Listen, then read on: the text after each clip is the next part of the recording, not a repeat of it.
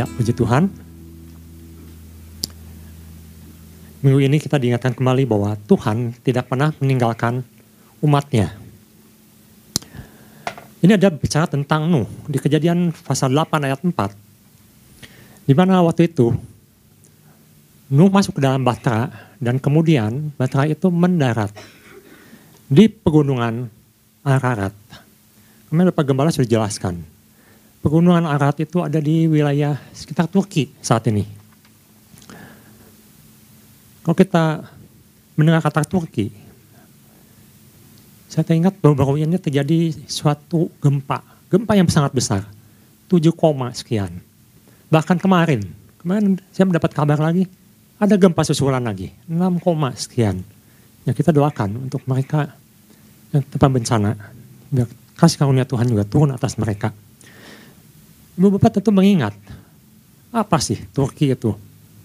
Tempat Nuh mendarat di pegunungan situ. Kalau ibu bapak mengingat, kitab Wahyu, di situ katakan Yohanes menulis kepada jemaat di Asia, Laodikia, salah satunya Efesus, bahkan di situ juga Paulus menulis ke jemaat di Kolose, itu semua ada di wilayah Turki, Turki modern sekarang. Suatu pusat kekristenan waktu itu, pada abad awal, orang Kristen banyak di sana, banyak gereja di sana tapi sangat menyedihkan. Kalau kita lihat sekarang, semuanya sepertinya hilang. Sepertinya lenyap. Ke mana mereka semua? Kekristenan yang begitu hebat di sana. Yang Paulus bekerja keras di situ. Menjembatkan Injil di situ. Di Efesus, Kolose, Laodikia, semua wilayah di sana. Ini adalah sesuatu yang perlu kita pikirkan ulang kembali. Apakah Tuhan sudah meninggalkan? Sama seperti mungkin sempat berpikir apakah Tuhan sempat meninggalkan dia suatu beberapa saat ketika dia masuk dalam bahtera. Tapi kita sudah diingatkan kembali bahwa Tuhan tidak pernah meninggalkan umatnya. Kalau ibu bapak ikut pengurapan kemarin malam, Bapak Marbun sudah ingatkan kembali di Yohanes misalnya, pasal 1 ayat 5, Ibani pasal 13 ayat 5, kita diingatkan kembali Tuhan sudah berjanji, aku sekali-kali tidak akan meninggalkan engkau. Apa maksudnya engkau? Siapakah engkau? Kita, orang-orang percaya, orang-orang yang sudah menerima janji-janji Tuhan. Ada selalu penyataan Tuhan dan Tuhan meteraikan janjinya itu dengan Roh Kudus. Ya, kita sudah mendengar kemarin. Tuhan meteraikan dengan Roh Kudus. Itu adalah suatu tanda tanda bahwa Tuhan menyertai orang percaya. Jadi Allah kita ini adalah Allah Immanuel Allah yang tidak meninggalkan begitu saja karyanya. Tidak meninggalkan kita, kita begitu saja. Dia berikan roh kudus untuk mengingatkan, menguatkan kita. Nah kemarin Bapak Gemala mengatakan bahwa Tuhan tidak pernah melupakan anak-anaknya. Karena ada sesuatu yang sedang Tuhan lakukan. Dan di poin kedua Bapak Gembala juga katakan, Tuhan sedang ingatkan kita akan waktu yang ada. Ada satu fungsi apa yang harus kita lakukan? Nah ini yang saya renungkan. Ada suatu fungsi yang harus kita lakukan. Ada sesuatu yang sedang Tuhan kerjakan. Apa itu? Fungsi apa? Apa yang harus kita kerjakan? Nah itu akan saya bawakan di pagi hari ini. Sangat sayang sekali kalau Tuhan menyampaikan pesan ini, kemarin dikatakan masih ada orang-orang yang menganggap Tuhan itu tidak menyertai mereka karena ada satu kekecewaan. Ada sesuatu yang selalu dibanding-bandingkan dengan orang lain. Dan itu membawa suatu ketidakpastian dalam hidup mereka. Mungkin dalam hidup kita, kadang-kadang kita juga berpikir, apa Tuhan masih peduli pada kita? Apa Tuhan masih menyertai kita? Nah tentunya dengan penguatan-penguatan yang sudah disampaikan oleh beberapa hamba Tuhan juga, kita diingatkan kembali Tuhan tetap menyertai kita, tetapi untuk apa? Untuk apa Tuhan menyertai kita? Mengapa Tuhan menyertai kita? Kita akan lihat dan belajar daripada Nuh dan juga beberapa tulisan dari Rasul Paulus, khususnya di Efesus 2. Nanti kan kita lihat. Nah, ketika saya renungkan, kalau Tuhan berikan roh kudus, Tuhan berikan penyertaan untuk satu tujuan yang mulia, untuk satu tujuan yang besar, untuk satu tujuan yang dahsyat, apa yang harus kita lakukan. Jadi pagi hari ini saya hanya satu poin yaitu bahwa Tuhan menyertai kita karena ada rencana Tuhan yang dahsyat untuk orang benar. Mari kita lihat. Yang pertama, kita harus pastikan bahwa kita ini adalah orang benar. Kejadian pasal 7 ayat 18.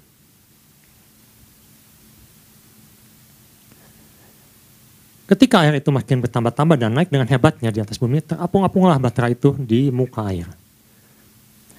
Dan air itu sangat hebatnya bertambah-tambah meliputi bumi dan ditutupinya segala gunung tinggi di seluruh kolong langit. Dengan kata lain, ada orang-orang yang hilang saat itu. Tetapi yang luar biasa di sini, Tuhan mempunyai satu orang yang masih berkenan kepada Tuhan ketika semua dilenyapkan, semua dijadikan baru, Tuhan bikin sesuatu yang baru kembali.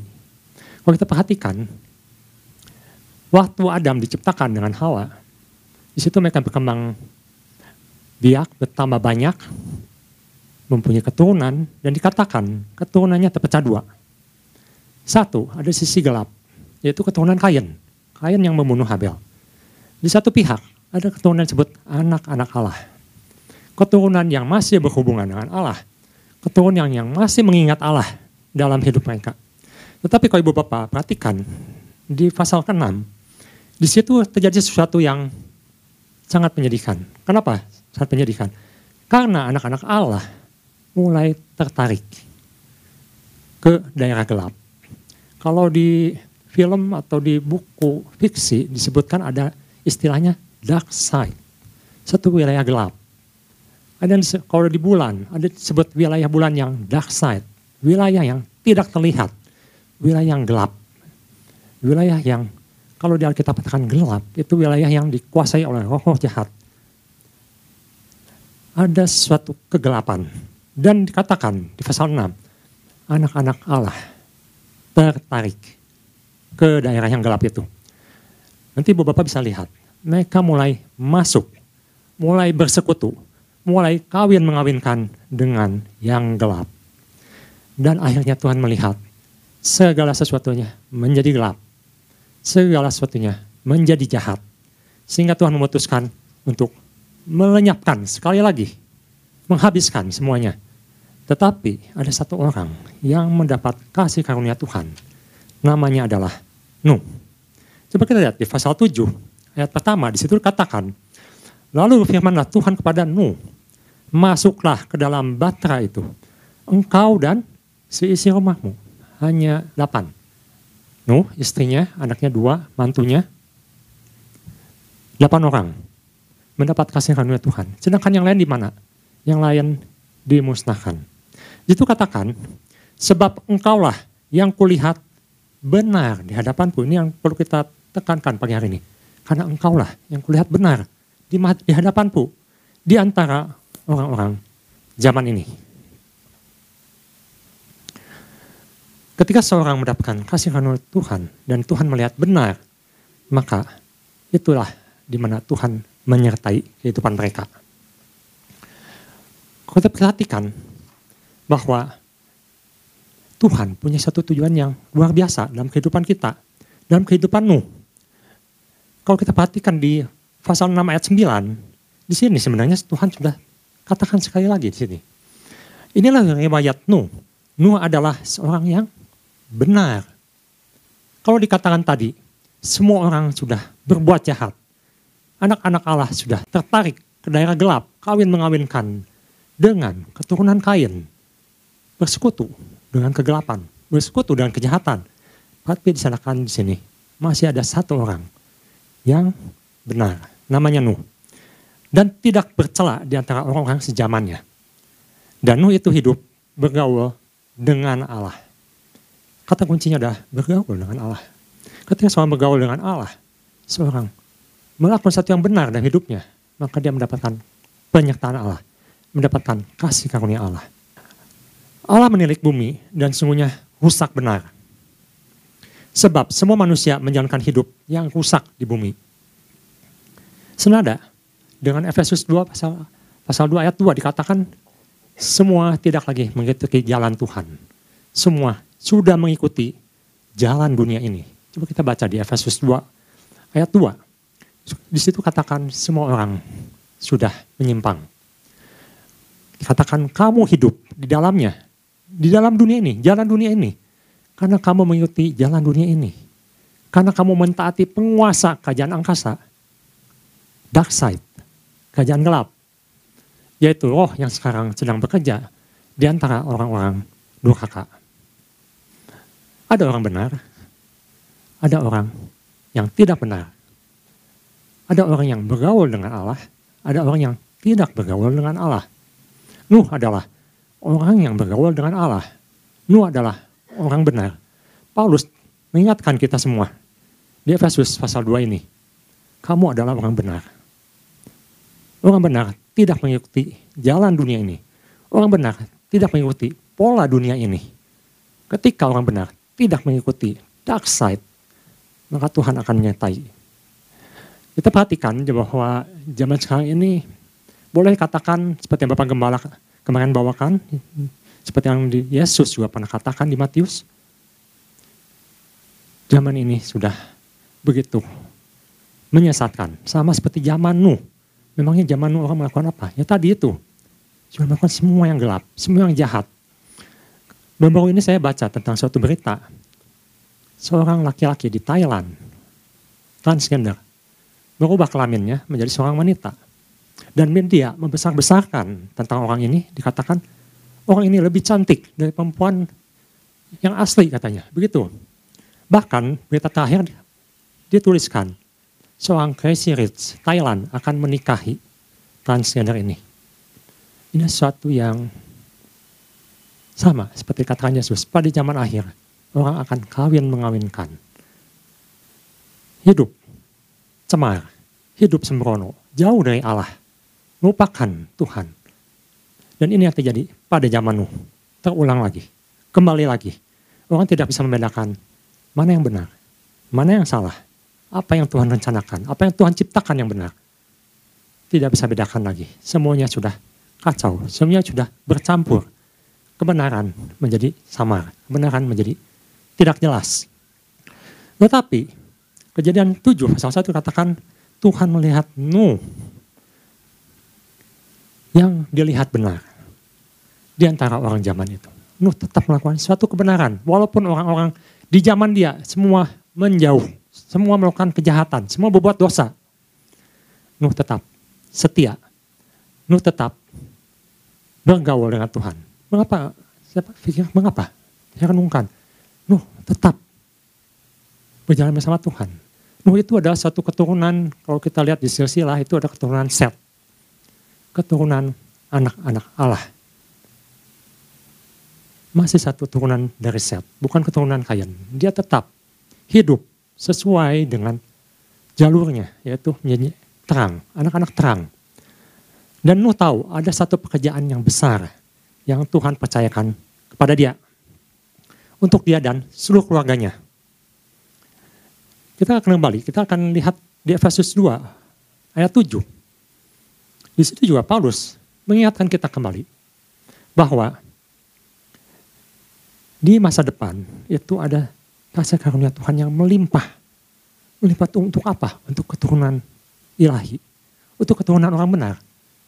Dikatakan di sini, supaya pada masa yang akan datang, masa depan, ia atau Allah menunjukkan kepada kita, orang percaya, orang benar, kekayaan kasih karunia-Nya yang melimpah-limpah sesuai dengan kebaikannya terhadap kita dalam Kristus Yesus. Ada masa depan yang cerah, ada masa depan yang baik, ada masa depan dengan kasih karunia yang melimpah untuk orang benar. Nah, jadi yang pertama ini perlu kita tanamkan bahwa penyertaan Tuhan itu diberikan kepada orang benar untuk satu tujuan. Satu tujuan ilahi, satu tujuan yang besar. Ketika Nuh diberikan satu tugas untuk membuat bata itu adalah sesuatu yang tidak umum saat itu. Saya sempat baca beberapa referensi dikatakan di sana kelihatannya saat itu manusia itu belum mengenal apa kata kata kata, kata hujan atau apa yang Tuhan katakan di sana Tuhan membuka tingkap-tingkap langit dan turunlah air dari atas dari langit kemungkinan katanya. Saat itu Tuhan itu mengalir dari bawah tanah. Jadi manusia itu tugasnya masih lebih ringan dibandingkan sekarang. Ada kemungkinan mereka itu tidak mengenal apa yang namanya banjir. Jadi suatu konsep suatu yang baru yang Tuhan sampaikan kepada Nuh. Tetapi Nuh menangkap, Nuh mendapatkan apa yang Tuhan inginkan. Membangun batra di atas gunung. Sesuatu yang tidak masuk akal. Sesuatu yang paradoks. Kalau Tuhan katakan bangunlah batra di pantai. Bahkan mungkin saat itu orang belum tahu kapal itu untuk apa. Batra itu untuk apa. Mungkin. Mungkin seperti itu. Tetapi kalaupun mereka sudah mengetahui. Masakan membangun di atas gunung. Sesuatu yang tidak masuk akal. Kadang-kadang Tuhan bawa untuk satu yang besar yang kita tidak bisa mengerti saat ini. Tetapi ketika seorang mau hidup benar, ketika seorang mau hidup bergaul dengan Allah, maka Tuhan akan nyatakan, Tuhan akan bukakan suatu hal yang besar di sana, di depan, di masa depan. Akan ada sesuatu kasih karunia yang besar untuk kita semua. Yang pertama, hiduplah sebagai orang benar. Yang kedua, apa yang perlu kita perhatikan di sini? Mengapa Tuhan menyertai kita? Untuk apa? Diberikan roh kudus, membimbing kita, menguatkan kita. Yang kedua adalah gunakanlah standar Allah. Standar Tuhan berbeda dengan standar kita. Standar Tuhan itu berbicara tentang sesuatu yang jelas. Ketika Nuh membangun bata, ukurannya jelas. 300 kali 50 kali 30 hasta. Jelas. Karena Tuhan memberikan kepada Musa cara mem membuat peralatan bait Allah. Ukurannya, bahannya jelas. Semuanya terperinci. Semuanya sangat lengkap, akurat. Itu adalah cara kerja Tuhan. Kejadian pasal 6 ayat 14 sampai 15. Dikatakan di situ, buatlah bagimu sebuah bata dari kayu gofir, jenisnya kayu gofir. Bata itu harus kau buat berpetak-petak dan harus kau tutup dengan pakal atau aspal dari luar dan dari dalam. Beginilah engkau harus membuat bata itu. 300 hasta panjangnya, 50 hasta lebarnya, dan 30 hasta tingginya. Jelas, bahannya jelas, ukurannya jelas, bentuknya jelas. Semuanya jelas. Itu adalah standar Tuhan. Standar Tuhan juga berbicara tentang melampaui kemustahilan. Sangat luar biasa ketika Nuh diberikan satu tugas untuk membuat bahtera untuk sesuatu yang saat itu orang-orang pun belum mengetahui untuk apa melakukan sesuatu itu. Bahkan dunia ini sulit, sulit untuk mengerti. Mungkin cemooh diberikan, penganiayaan diberikan, pengucilan diberikan, dijauhi, ditertawakan. Mungkin dianggap gila. Tapi Nuh lakukan semuanya itu. Nuh lakukan tepat seperti yang Tuhan berikan. Kita lihat di pasal 6 ayat 22 dikatakan, lalu Nuh melakukan semuanya. Bukan sebagian, semua apa yang Tuhan perintahkan, apa yang Tuhan nyatakan tepat. Seperti yang diperintahkan Allah padanya, demikianlah dilakukannya. Standar Tuhan menuntut ketaatan yang lengkap, ketaatan yang akurat. Bahkan Tuhan berikan di sini sesuatu yang sulit untukmu. Sesuatu pekerjaan yang boleh katakan ada yang mencatat kurang lebih 100 tahun katanya. Membangun bahtera itu. 100 tahun membangun batra, mengumpulkan bahan, melakukan percis seperti yang apa Tuhan lakukan. Tetapi mengapa Nuh bisa melakukan tepat seperti yang Tuhan berikan? Karena Tuhan menyertai dia. Tangan Tuhan menyertai dia. Kasih karunia Tuhan menyertai dia. Bukanlah itu yang kita inginkan. Bagaimana kita bisa menjalankan suatu standar yang tinggi yang Allah inginkan dalam kehidupan kita. Tidak bisa hanya dengan tubuh jasmani ini. Tuhan berikan rohnya untuk menguatkan, menuntun, membuat segala sesuatunya menjadi benar, lengkap, percis. Seperti apa yang Tuhan inginkan. Jadi mengatakan ini, ini ada sesuatu tentang standar. Kita tidak bisa pakai standar dunia. Kalau pakai standar dunia, ya seperti tadi itu. Jadi kacau, tidak jelas. Bahkan Alkitab sudah mencatat, ketika seorang memakai standar dunia, maka dia akan tertarik ke daerah yang gelap itu. Kita seorang mulai mencoba-coba untuk bekerja sama dengan daerah gelap, maka Alkitab mencatat manusia kecenderungannya adalah selalu berbuat jahat. Roma pasal 3 mengatakan tidak ada yang benar. Semua berbuat jahat. Semua melakukan yang jahat. Kecenderungan hatinya adalah untuk berbuat jahat. Jadi Tuhan ingatkan, jangan coba-coba untuk masuk ke daerah yang gelap. Jangan bersekutu dengan orang yang gelap. Mengapa? Anak-anak Tuhan dicatat jatuh dalam kegelapan. Sehingga Tuhan harus musnahkan segalanya. Tuhan harus bikin sesuatu yang baru lagi lewat Nuh dan keturunannya. Suatu keturunan yang ilahi, yang benar di hadapan Tuhan. Karena mereka semua tertarik ke daerah yang gelap. Daya tariknya lebih kuat. Di 6 katakan, di situ anak-anak Tuhan melihat anak-anak dunia lebih cantik, lebih menarik. Dan situ dia tertarik ke daerah yang gelap. Dan mereka akhirnya hilang, ikut dalam kegelapan itu, ikut dalam dunia itu. Itu yang Tuhan tidak inginkan. Oleh karena itu Tuhan punya standar yang tinggi. Standar yang luar biasa untuk keluarga kita. Ketika Nuh dan keluarganya masuk ke dalam bahtera, Tuhan jadikan keturunan yang baru. Jadi sesuatu yang menarik ketika kalau kita katakan kita ini adalah keturunan Adam. Karena Adam ini adalah manusia pertama yang Tuhan ciptakan. Tetapi dalam perjalanan Alkitab mencatat semuanya berbuat jahat termasuk keturunan Adam, berbuat jahat. Sampai Nuh, orang yang melakukan yang benar, Tuhan pilih. Dan di situ Tuhan melalui delapan orang ini membuat suatu keturunan yang baru. Dunia yang baru. Dunia yang sudah dipenuhi air bah, hilang. Tuhan buat yang baru. Tetapi, sekali lagi Paulus ingatkan, bahkan Yesus katakan, di akhir zaman, akan terjadi lagi apa yang seperti di zaman Nuh apa yang sudah Tuhan buat baru itu, yang baik itu, standar Tuhan yang tinggi itu akan kembali dirusak. Dan ini adalah satu pilihan bagi kita orang-orang percaya.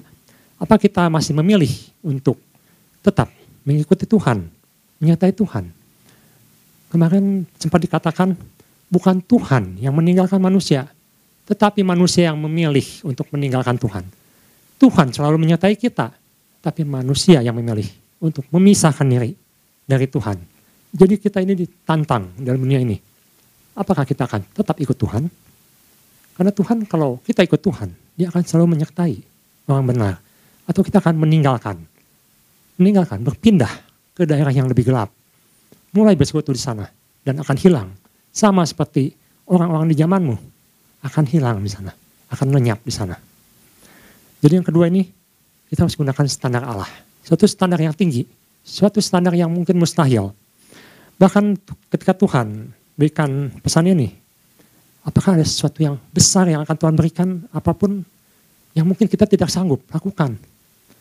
Tapi Tuhan berikan satu janji, selama kita tetap mengikuti Tuhan, Tuhan akan berikan kekuatannya, Tuhan akan berikan anugerahnya, Tuhan akan berikan sesuatunya bisa dilakukan bersama Tuhan. Jadi pertama hiduplah sebagai orang benar. Yang kedua kita harus gunakan standar Allah untuk melakukannya. Yang ketiga, kita harus hidup dalam anugerah dan iman. Hidup dalam kasih karunia Tuhan dengan iman. Kejadian 6 pasal 8. Tetapi Nuh mendapat kasih karunia di mata Tuhan. Ketika Nuh hidup bergaul dengan Tuhan, dia mendapat kasih karunia Tuhan. Ketika kita mau hidup bergaul dengan Allah, Tuhan akan menyertai kita dan dia akan berikan kasih karunia-Nya kepada kita. Saudara dengan apa yang Paulus katakan, kita akan baca di Efesus pasal 2 ayat 8 sampai ke 9. Karena kelihatannya dunia ini sekarang sudah sangat-sangat mendekati apa yang disebut dengan zaman Nuh. Zaman yang penuh dengan kejahatan. Kejahatan seksual. Kejahatan kriminal. Kejahatan kerah putih. Semua tindak kejahatan sudah dilakukan kembali di zaman ini. Sodom dan Gomorrah mulai dibangkitkan kembali. Kejahatan seksual, homoseksual dibangkitkan kembali. Semua sedang dijauhkan dari standar Tuhan. Kalau kita tertarik ke sana, masuk ke sana, maka kita akan lenyap bersama seperti mereka. Efesus pasal 2 ayat 8 sampai ke 9. Sebab karena kasih karunia kamu diselamatkan oleh iman bukan hasil usahamu tapi pemberian Allah. Ayat ke-9 itu bukan hasil pekerjaanmu. Jangan ada orang yang memegahkan diri. Apakah Nuh hebat? Apakah Nuh perkasa? Superman? Alkitab tidak mengatakan seperti itu. Nuh adalah orang biasa. Sama seperti kita. Sama seperti Elia. Sama seperti Daud. Orang biasa. Tetapi Nuh ini adalah orang benar. Dan orang benar ini mempunyai hubungan dengan Tuhan. Hubungan yang erat. Dan Tuhan berikan kasih karunia-Nya kepada orang benar. Ketika kita mau melekat pada Tuhan, Tuhan akan berikan kasih karunia untuk kita. Dan kasih karunia ini hanya bisa dapatkan ketika kita punya iman kepada anak domba. Kita boleh hidup dalam iman pada anak domba Allah. Sama seperti Nuh, punya iman untuk membuat batra 100 tahun. Dia kerjakan tanpa komplain. Tanpa komplain. Alkitab tidak mencatat. Kalau Nuh komplain pada Tuhan, kenapa Tuhan saya harus membuat batra ini? Kenapa Tuhan saya harus jauh dari orang-orang dunia? Kenapa Tuhan saya harus ditertawakan oleh orang-orang dunia? Kenapa Tuhan saya harus dikucilkan dari orang-orang dunia? Kenapa Tuhan saya diberikan tugas ini oleh Tuhan? Tetapi Alkitab mencatat ada satu rencana besar untuk Nuh dan keluarganya. Sesuatu yang indah di depan. Sesuatu yang Tuhan luputkan dari malapetaka. Diluputkan daripada maut yang kekal. Kekal Nuh dan isi keluarganya memilih untuk ikut terus bersama Tuhan. Mereka mendapatkan kasih karunia Tuhan. Dan ini juga yang Tuhan inginkan untuk kita. Hidup dalam anugerah Tuhan. Jangan keluar dari payung kasih karunia Tuhan. Mungkin dunia lebih menawarkan sesuatu yang menarik. Kalau zaman sekarang, semua sudah diarahkan untuk mengikuti satu sistem di mana siapa yang mengikuti sistem itu akan dipermudah akan diberikan hasil yang lebih besar. Akan kerja lebih mudah, lebih gampang. Ditawarkan hal-hal seperti itu. Tetapi kita harus peka. Apakah itu yang Tuhan inginkan? Karena kalau melihat Nuh, tidak ada orang yang membantu. Hanya keluarga yang bantu. Tidak dikatakan di sini, masyarakat ikut mendukung Nuh membuat batra itu. Nuh bekerja sendiri, hanya sekeluarga. Mereka kerja keras selama 100 tahun membangun batra itu. Hanya kasih karunia Tuhan yang membuat dia bisa melakukan dan menjadikan batra itu. Percis seperti apa yang Tuhan inginkan. Pilihan. Kembali lagi menjadi pilihan. Apakah kita pun mau melakukan seperti Nuh untuk sesuatu yang Tuhan ingin kita lakukan. Kadang mungkin pekerjaannya sulit, pelayanannya sulit, pelayanannya makan waktu, pelayanannya sedikit orang, tidak banyak orang. Tapi Tuhan ingin kita terlibat di dalam situ. Untuk satu tugas yang mulia. Karena itu adalah kasih karunia Tuhan untuk kita. Oleh karena itu, saya mengajak kita pagi hari ini, marilah kita hidup dalam kasih karunia Tuhan. Karena Tuhan akan selalu menyertai kita, di mana pun kita berada. Di atas gunung, di tempat yang terpencil, di tempat yang tidak ada orang lain. Tempat kita sendiri bersama Tuhan. Tidak masalah. Dan Tuhan ingin kita mengimpartasikan kasih karunia ini untuk orang lain. Kita baca di Efesus pasal 4 ayat 29 sebagai penutup. Efesus pasal 4 ayat 29. Janganlah ada perkataan kotor keluar dari mulutmu, tetapi pakailah perkataan yang baik untuk membangun di mana perlu, supaya mereka yang mendengarnya beroleh kasih karunia melalui perkataan kita, kehidupan kita, kita bisa mengimpartasikan kasih karunia Tuhan. Dan itu yang harus diberitakan, yang harus disampaikan. Supaya kasih karunia itu menyebar kepada semua orang. Dan semua orang juga boleh mendapatkan kasih karunia seperti Nuh. Mendapatkan kasih karunia Tuhan. Demikian firman Tuhan, kiranya Tuhan Yesus berikan kita kekuatan untuk terus berjalan bersama Tuhan, karena Tuhan akan tetap dan selalu menyertai kita di mana pun kita berada, di mana pun dan apa pun yang kita lakukan bersama Tuhan. Tuhan Yesus memberkati.